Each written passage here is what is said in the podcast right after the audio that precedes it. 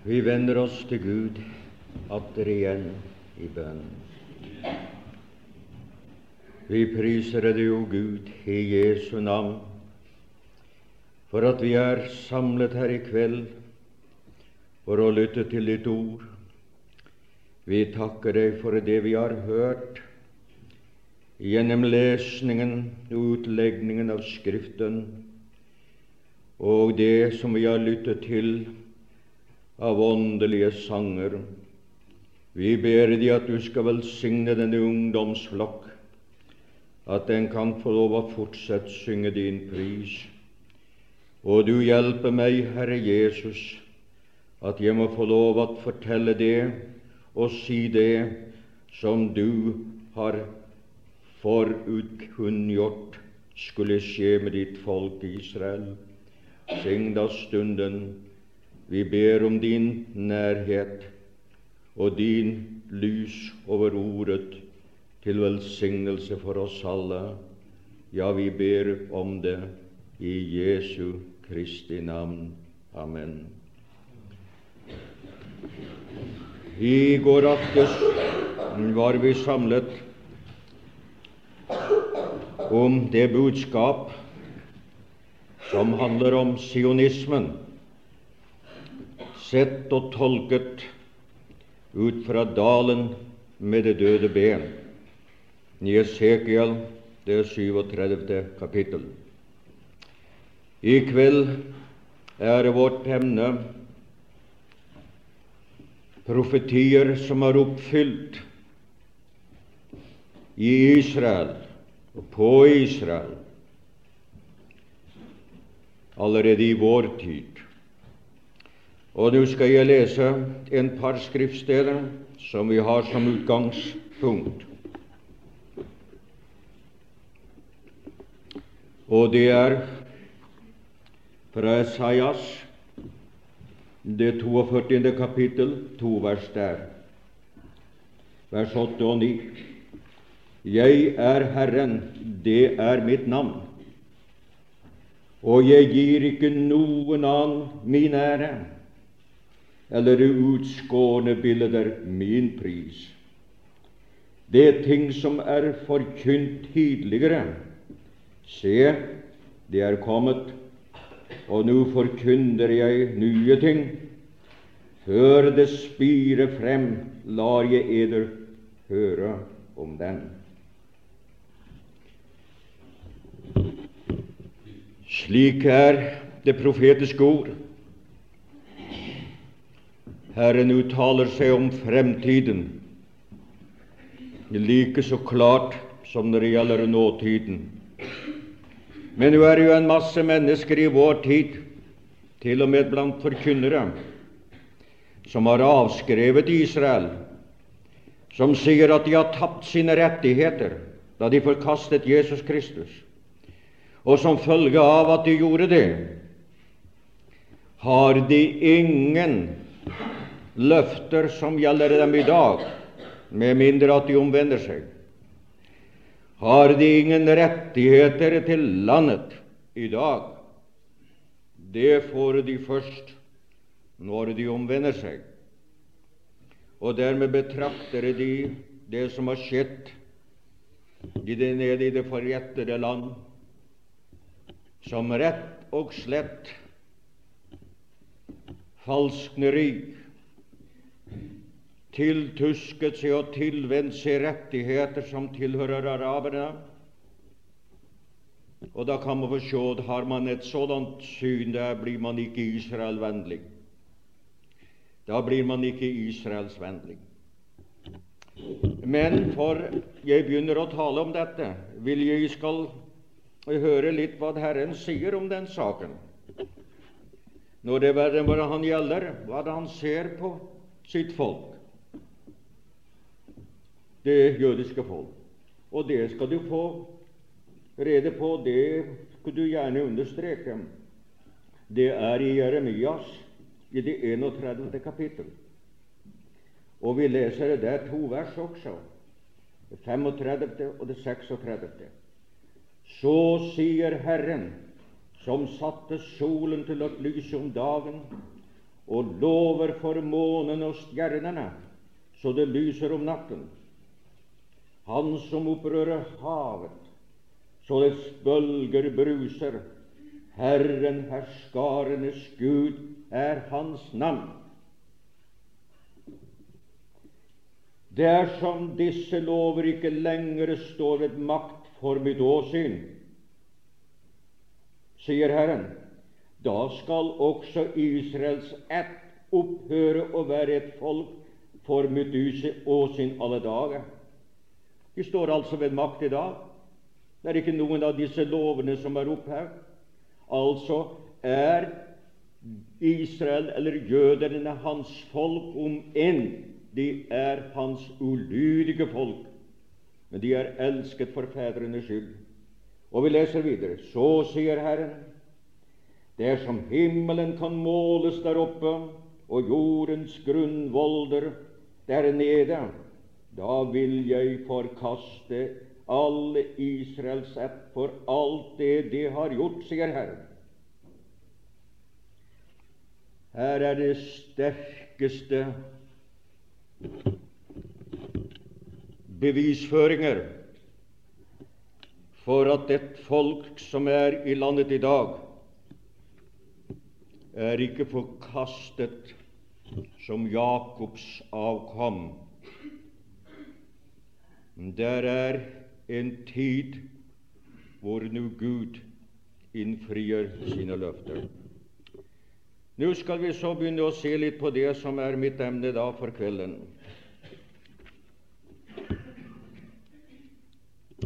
For oss som tror på at, at den hele Skrift er innblest av Gud, innblest av Gud, innåndet av Den hellige ånd, for oss er det ikke vanskelig å ha tillit til at det som står, er sannhet, og det som er lovet, skal bli virkeliggjort. Og vi lever i endens tid. Det er mot slutningen av hedningenes tider. For hedningenes tider de begynte, eller hedningens tid begynte ved den første diktator, Nebukadneser. Da Israel hadde tapt sitt rike, eh, begynte hedningenes tider og spenner over fire verdens riker. Og den tid avsluttes med den siste diktator, Antikrist. Da er det slutt med rovdyrrikerenes tid. Da begynner lammets rike og lammets tid på denne jord. Og eh, der er mange profetier som angår Israel. Ikke mindre enn 50 er helt og holden oppfylt. Men om vi tar dem som er delvis oppfylt og helt oppfylt, er det nærmere 75. I alle tilfeller er det 70 som, er, som da er en 25 som er delvis oppfylt, og som det er enda fattes noe på. Når dette er tilfellet, så må vi da se litt på det. Nå tenker jeg ikke på i kveld at kunne nevne 50 oppfyllelser. Det ville være en umulighet. Men jeg vil prøve, om Gud gir nåde dertil, å nevne åtte-ni ting, profetier som er oppfylt, og som beviser at Herren holder ord. Og da begynner jeg med det som var mitt emne i går aftes. Sionismen er en oppfyllelse, profetes oppfyllelse av Esekiel, det 37. kapittel. Beretningen om dalen med det døde ben, og hvor Guds ord sier, og Herrens sa til meg, menneskesønn, disse ben er hele Israels hus. Jeg fører eder til, jeg fører eder til Israels land, og I skal bli levende, og jeg vil bosette eder i landet. Altså ført til landet uten å være åndelig levende, ført til landet som ufrelste, men at i landet skulle det komme en tid da de ble frelste. Det er altså med I 1900 år var jødene et adspredt folk utenfor sitt land. Men ved sionismen ble interessene vakt. Nå bare sier få ting, vi utdyper dem. Og det ble efter den annen verdenskrig, efter det veldige bulder Øst-Sions stemme, så det veldige bulder, som jeg tror er andens verdenskrig, og så den store innvandring som da begynte. Det er et viktig tidens tegn som er blitt oppfylt. For det annet, delingen av Palestina var et endetidstegn omtalt i Joel i det tredje kapittel og det syvende vers. Og det lyder da slik Da vil jeg samle alle hedningene folk. Det er altså på Herrens dag, dette. Det er begynnelsen, den store til slutten, av den store trengsel. Da vil jeg samle alle hedninge folk og føre dem ned i Josafats dal. Og jeg vil gå i rette med dem for mitt folk og en arv Israels skyld, fordi det spredte dem blant hedningene og delte mitt land. Spredningen av jødene skjedde i år 70 etter Kristus. For dette har, står ikke i forbindelse med Israels eh, fangenskap i Babylon domsaktene over nasjonene har hengt som et Demakles-sverd over folkeslagene eller rykerne. Det kommer til å få sin oppfyllelse under den store trengsel ved avslutningen av den. Ved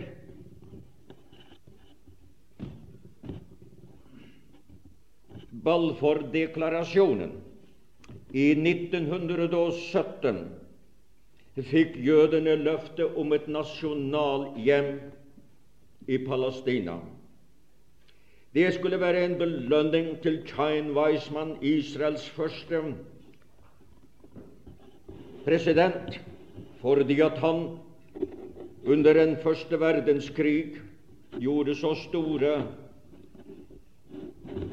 oppdagelser at det faktisk talt betød det samme som at de allierte vant krigen.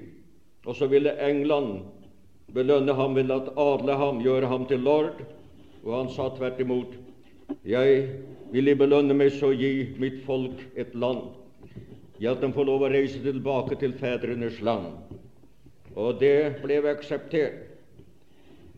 Da Folkeforbundet, da England under den første verdenskrig beseiret tørkerne og drev dem ut, og Allenby jo inntok i Jerusalem uten at avfyre et eneste skudd. Derfor er det blitt kalt Balford-deklarasjonen, da det ble bestemt av Folkeforbundet den gangen at 72 000 kvadratkilometer skulle gis til den jødiske folk som nasjonalhjem. Det var et ganske stort område og innbefattet det som Israel har eid inntil Jom Kippur-krigen, men også hele Transjordanien. Og det var ganske meget, det. Og England skulle få mandatmakt til å styre disse landområder på vegne av Israel inntil det jødiske folk kunne få tid til å vende hjem og bosette seg selvfølgelig blant araberne, og kunne, inntil de ble så sterke at de kunne overta styre og stelle landet. Det var altså det som da ble gitt i 1917 og godkjent av det Folkeforbundet den gang. Den første deling skjedde i 1922. Da opprettet nemlig en England en bufferstat, en støtstat, så å si, mellom seg og Russland. Og de kalte dette landet Transjordanien. Og dette landet, som Transjordanien, fikk så meget som 52 000 kvadratkilometer av det som var lovet Israel og godtatt av det forenede eller av Folkeforbundet. Og som følge av dette ble det da bare 20 000 kvadratkilometer som ble igjen til det jødiske folk, og jødene fant seg i dette. Og det var mindre enn en tredjedel av det opprinnelige løftet som så å si verden hadde gitt det jødiske folk. Den annen deling av landet skjedde i 1947 av De forenede nasjoner, som man godt trygt kan kalle det de uenige nasjoner. Det ble, da ble området nedskåret til en syvende del av de opprinnelige 72 000 kvadratkilometer. Og bare 9000 kvadratkilometer skulle tilfalle det jødiske folk. Og jødene aksepterte også dette, gikk med på det. Og det sørgelige er at det er just så meget de i dag nasjonene ønsker med påtrykk fra araberne at de vil så å si finnes i foreløpig at jøderne skal ha. De vil tilbake til den bestemmelse som ble tatt i 1947. Den tredje delingen av landet ble gjort i 1948, bare et år efter. Det var det som ble kalt Ball... Nei, Bernadotte-planen. Bernadotte-planen. Den såkalte Bernadotte-planen, og prinsen gikk ærende for England og ikke for Israel. Ærende for araberne, for han var både englandsvennlig og arabervennlig, og ikke israelsvennlig, om enn skjønt han var en troende mann, for det tror jeg, og bra mann på så mange områder. Men hvis man holder et bibelsyn som kalles for personalinspirasjon, så tror man man på at det er mange feiler i Bibelen? Tror man derpå at den hele Skrift er innåndet og innblest av Gud, så tror man at det som står der, det har Herren regnet med å holde, og man regner ikke med noen feiltagelse der. Da det ble vedtatt, eller skulle vedtages, da ble landet beskåret. Det var det prins Bernadotte ivret for. Og da skulle Israel ikke få mer enn 3500 kvadratkilometer. 3000 istedenfor de 72 000 som var bestemt fra først av. Da smalt der et skudd, og Bernadotte segnet og ble martyr for England og araberne, men ikke for Herren. Da begynte også frihetskampen. Og i alle de kriger som senere har vært utkjempet, har Israel, det lille Israel, seiret over sine mektige fiender. utkjempet kriger som mangler sitt sidestykke i historien hver eneste gang. En skjønt disse også den siste krigen i 1974, Jom Kippur-krigen, forsoningsdagens krig, hvor det har i virkeligheten vant den mest strålende og omfattende seier som noensinne kan tenkes at et lite land kunne vinne. Under alle disse kriger har araberne og Syrien vært støttet og utrustet med det aller beste våpen som Russland eier og har. Det har jo blitt bedre og bedre. Og hvis ikke Amerika og de andre nasjoner, med påtrykk fra araberne og påtrykk fra Russland, hvis de ikke hadde bøyd seg, og det var just da det var i ferd med å grakne fullstendig for det arabiske folk, således at alt det russerne har brakt inn i landet, hadde blitt tilintetgjort. Men da ble det satt en stopper for Israel og deres part. Og så kom så den situasjonen at araberne, som har vært uenige hele tiden, ble enige om en eneste ting. Israel skal utslettes, slik som de har sagt alle ganger de har gått til krig. Men nå benyttet de et farlig våpen, og det var olje. Våpenet.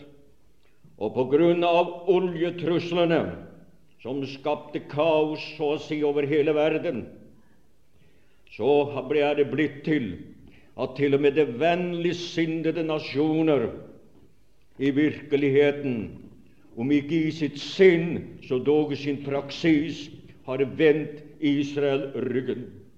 Og der står Israel mellom barken og veden i dag. Men alle dem som har forgrepet seg på Israel, kommer til å bli straffet. For den som rører ved leder, han rører ved min øyensten. Det sier Guds ord. Og således kommer det til å bli. Den straffedom rammer dem ved Harmageddon. For der skal alle folkeslag samles. Og han sier det fordi de delte mitt land. Spredte mitt folk i år 70, delte mitt land helt fra den tid jeg nå har beskrevet. Det, nå skal jeg ikke gå lenger i detaljer om den sak. Den tredje ting, det som jeg skal påpeke det som en oppfyllelse, det er Israels nasjonale fødsel som nasjon og som land og som Israels folk var en delvis oppfyllelse av Isaiah 66 og 8. Og det lyder slik hvem har hørt slikt? Hvem har sett sådanne ting? Kommer et land til verden på en dag, eller fødes et folk på en gang? For Sion har vært i barselsnød, og med det samme født sine sønner. Det er en profetisk oppfyllelse. La oss se litt på det. Den 13. mai 1948 var det et Palestina og ingenting annet. Den 14. mai ble det et Israel. Så stor forskjell fra den ene dag til en annen. Den 13. mai 48 var det bare jøder og arabere i Palestina. Den 14. mai, da jødene erklærte sin selvstendighet og sin grunnlov bygd på profetenes ord, og tanker. Da fødtes der et nytt folk i et nytt land. Men det var en nasjonal fødsel. Det var ikke en åndelig fødsel. Og fødsel betyr å trede frem og komme til syne. Det var fødsel betyr. Sånn som død betyr atskillelse, og liv betyr forening. Da kom det frem, for å si det med andre ord, et nytt folk, et nytt land, som før har vært jøder, men nå var blitt til israelere. Det var en nasjonal fødsel, og ikke en åndelig fødsel, for den kommer senere. Men den nasjonale fødsel, den kommer ved Herrens åpenbarelse, ved slutten av Harmageddon. Da skal de se ham. Da skal de gråte sår av ham, men da, over ham. Men da er det bare en tredjedel av folket i landet.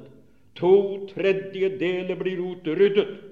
Og jeg ser alltid når jeg hører at de kommer, at de reiser hjem. Stakkars folk, de vet ikke hva det venter dem. Og vi lever i en tid hvor at aviserne så å si peker direkte til Guds ord.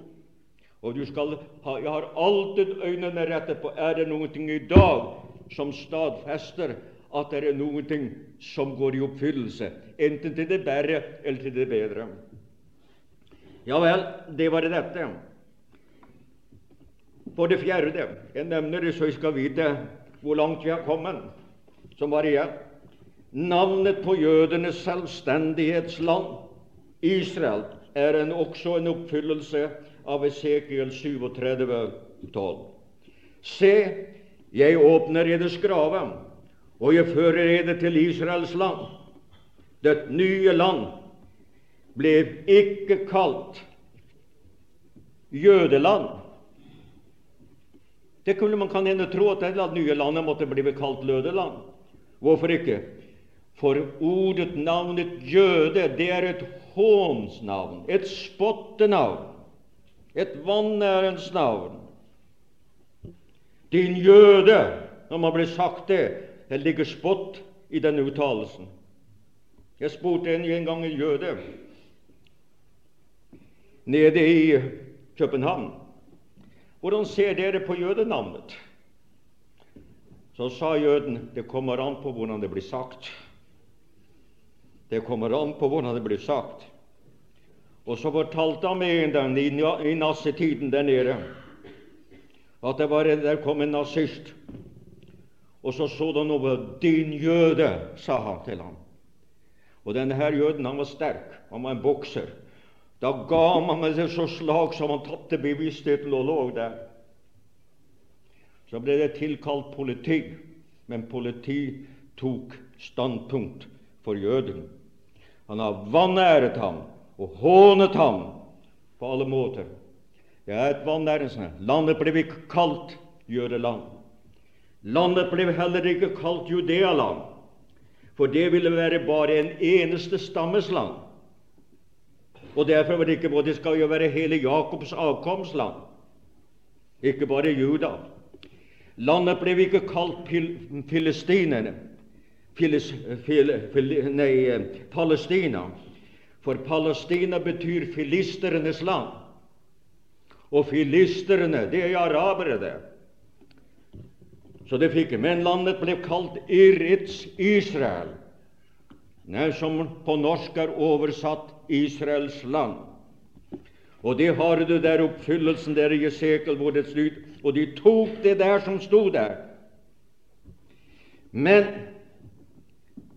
Herren sa, 'Jeg fører eder til Israels land', et land for hele Jakobs avkom.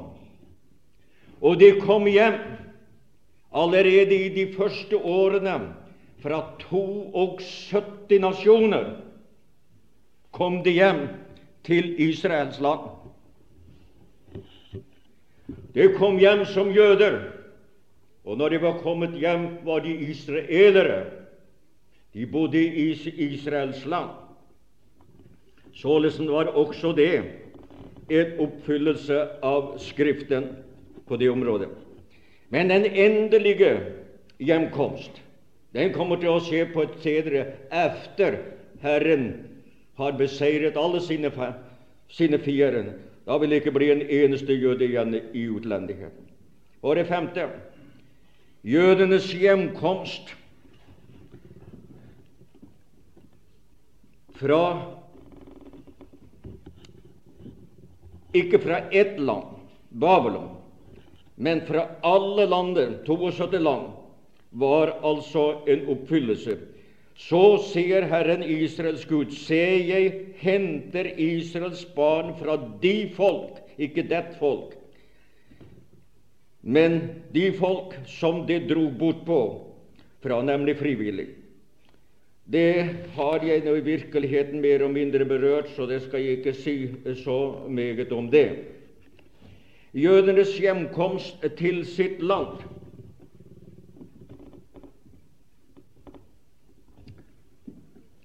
Med fly er en klar oppfyllelse av Esaias, det 16. kapittel og det 8. vers.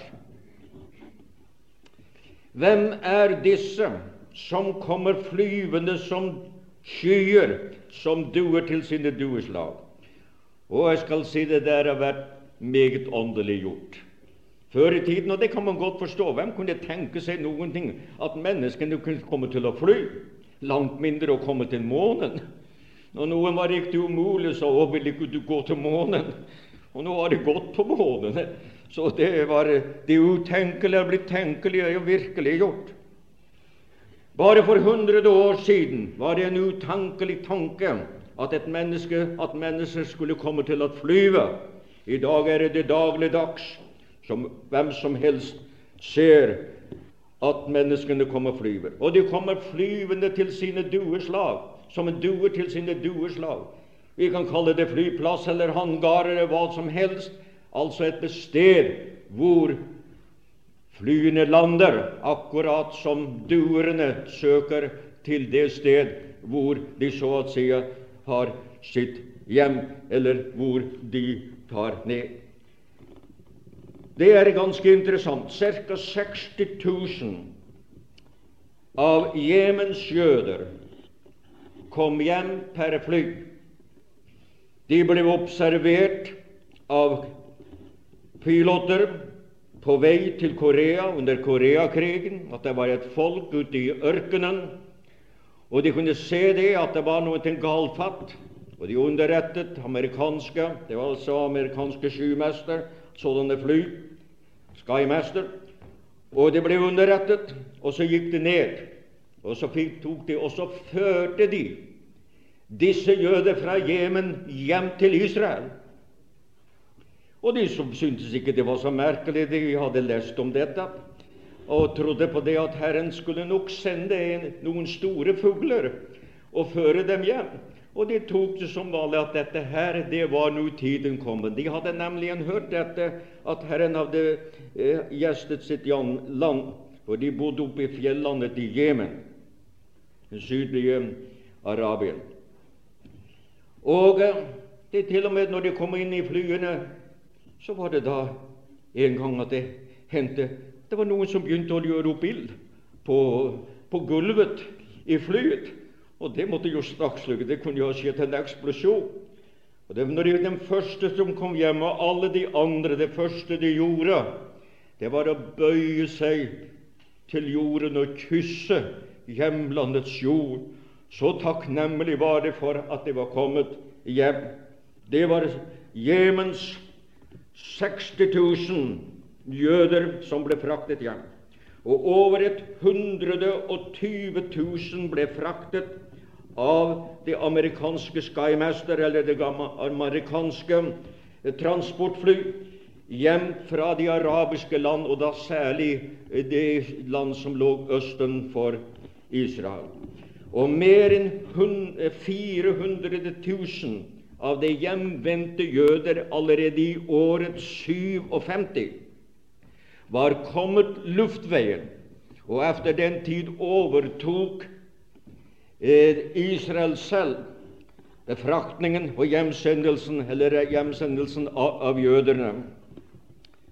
Så Således er også det gått i oppfyllelse, og størstedelen av de jøder som kommer nå hjem, kommer jo med fly. En syvende ting skal jeg nevne, og det er jødenes hjemkomst på skip etter annen verdenskrig. Det er en oppfyllelse av Esaias 60, kapittel 60 og det niende vers. Og det lyder slik Fremst seiler Tarseskipene, og det fører dine sønner hit fra det fjerne. Tarseskipene sikter til Englands kommersielle flåte, eller fraktskipene, den engelske fraktskip. Mange tolkere nærmere mener at, at Tarses i endens tid er England. Og det som skjedde her, viser også at det kan tyde at det var tilfellet. England hadde under siste del av annen verdenskrig opptrådt på en meget skammelig måte overfor jødene. Det sier Tyne Weisman, og dem som har lest det som skjedde til, hadde i virkeligheten hadde gjort det. Ja, Tyskland tilbød England at overta flere millioner jøder, og England avslog. Så viser at de har fått lov å komme utvandret, så har de ikke havnet i konsentrasjonsleirene. Og at England er blitt degradert til en tredje eller fjerde grad stormakt, tror jeg just det er på følge av at den har vist seg svikefull over eh, det jødiske folk. Man kan ikke gjøre det uten å bli straffet av Herren. Så var det. Men de jøder som søkte å komme hjem mot slutningen av verdenskrigen, og til og med etter at den var avsluttet, de skipene kapret den engelske krigsflåte, og det var enkelte skip som greide å klaffe land, å klaffe, ja, altså komme oss til Jaffa, Jaffe, og hadde til og med fått uh, Noen fikk lov å komme ned landgangen og regnet med fri. Så ble de vist tilbake. Og av alle skipene, stort sett, så ble de sendt til Kypern. Og der opprettet England flere konsentrasjonsleirer og over 200 000 jøder var krigsfanger eller var der i, i, på Kypern. Men så er det en ting som England skal ha takk for. Da så frigjøringen kom, og det begynte å gå fart i hjemring, så var England de aller første, det aller første land som frigav sine fanger og de sendte en mangfoldighet av frakteskip og førte Israels fanger tilbake til Israels land. Og til minne om denne store begivenheten ble det laget et stempel i Israel, hvor det stod ovenpå 'Velkommen til Irets Israel', til Israels land. Og så visste det en masse skip som var på vei mot Israel fra Kypern. Det skulle stemples til minne nå var de kom fri. Det var de første som gjorde dette. Så vi ser også der ble dette oppfylt. Og det er jo en interessant side av Skriften. Landets, Det åttende ting jeg skal påpeke, det er landets totale ufruktbarhet som forandrer seg helt og holdent i løpet av 40 år. Det er en oppfyllelse av Esekiel 36-34. Det land som var lagt øde, skal bli dyrket istedenfor at det var en ørken for hver manns øyne som gikk forbi. For ca.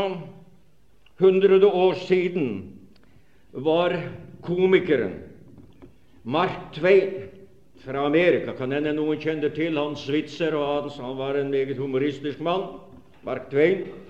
Men han tok en, en, en tur til Palestina. Hans hustru var troende, men han var ikke det. Og Da han kom tilbake fra landet, så spurte de ham hva syntes du om Palestina. Skal du høre hva han sa? Det er et øde land og et håpløst land og et forbandet land. Det var det vitnesbyrdet han ga rundt ved århundreskiftet. Ja, det var litt etter. Sammen med ham var det en yngling, en ung mann, og han kom tilbake som gammel mann, eldre mann. Og da han fikk se landet og kom tilbake til statene igjen, så var det noen som spurte hva var det største du så i landet. Vet du hva han svarte? At landet var grønt. Der hvor det før bare hadde vært en ørken, at landet var grønt, det var det største. Nå skulle jeg nesten uh, slutte.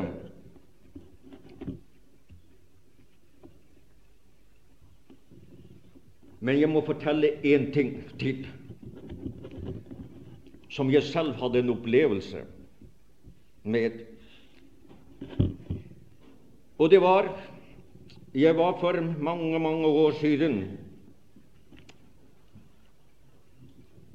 rundt omkring i Romsdalsfjorden og forskjellige steder og hadde bibeltimer.